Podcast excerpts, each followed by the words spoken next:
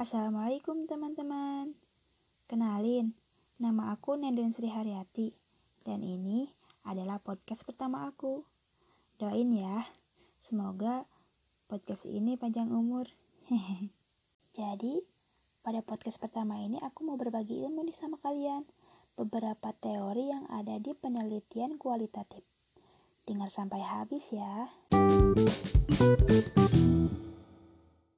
Yang pertama ada pembahasan mengenai etnografi. Etnografi ini merupakan salah satu penelitian kualitatif di mana metode ini digunakan untuk mengungkap makna sosial kultural yang ada di masyarakat.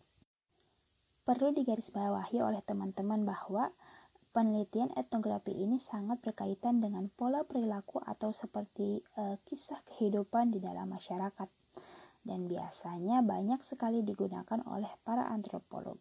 Hal ini karena etnografi selalu berkaitan dengan sosial kultural atau hal-hal yang dihasilkan oleh masyarakat. Nah, di dalam penelitian etnografi ini, ada hal-hal yang sering kali menjadi objek dari sebuah riset etnografi.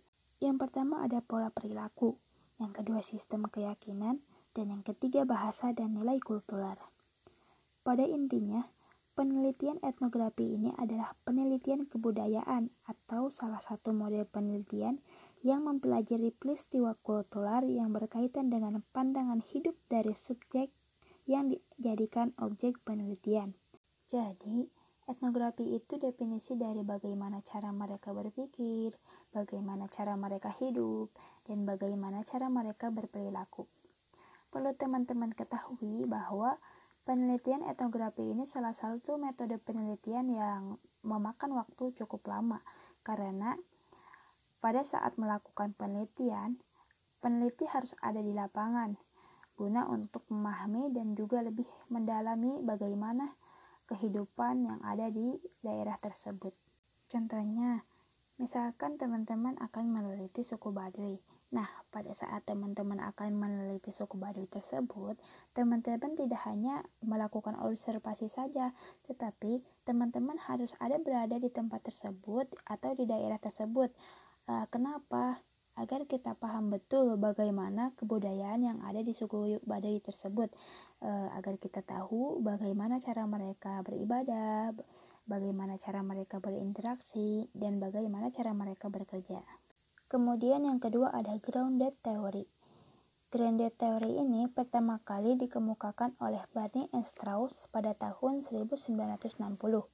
Nah, pada zaman itu, mereka sedang melakukan sebuah penelitian yang diturunkan dan diterbitkan pada sebuah buku yang berjudul The Discovery of Grounded Theory pada tahun 1967. Pada buku tersebut ditekankan bahwa Barney and Strauss mengkritik beberapa teori lainnya yang terkesan memverifikasi dan menguji ulang teori yang sudah ada.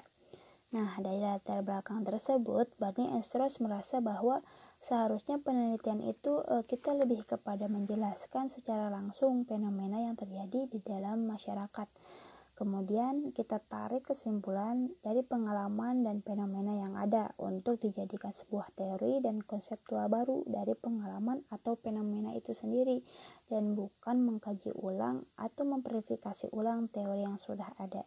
Jadi, grounded theory adalah sebuah riset yang berupaya untuk mengembangkan teori yang tersembunyi yang mana dalam teori itu sudah tersusun secara sistematis.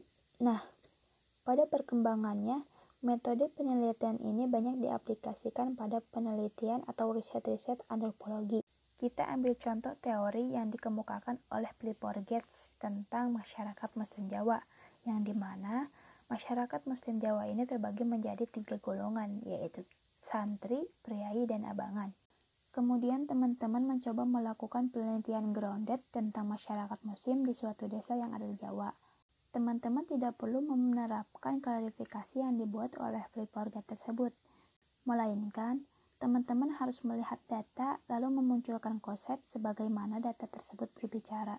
Sangat mungkin klarifikasi yang dicetuskan oleh Get tersebut tidak relevan untuk situasi sosial yang khas dari masyarakat yang kita teliti.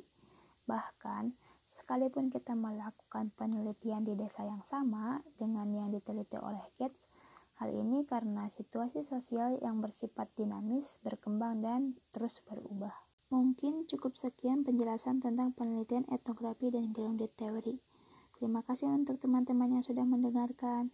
Jangan lupa mampir lagi ya, karena masih banyak penjelasan tentang etnografi dan grounded theory ini. Jadi, tunggu episode selanjutnya awal berjuang. Terima kasih.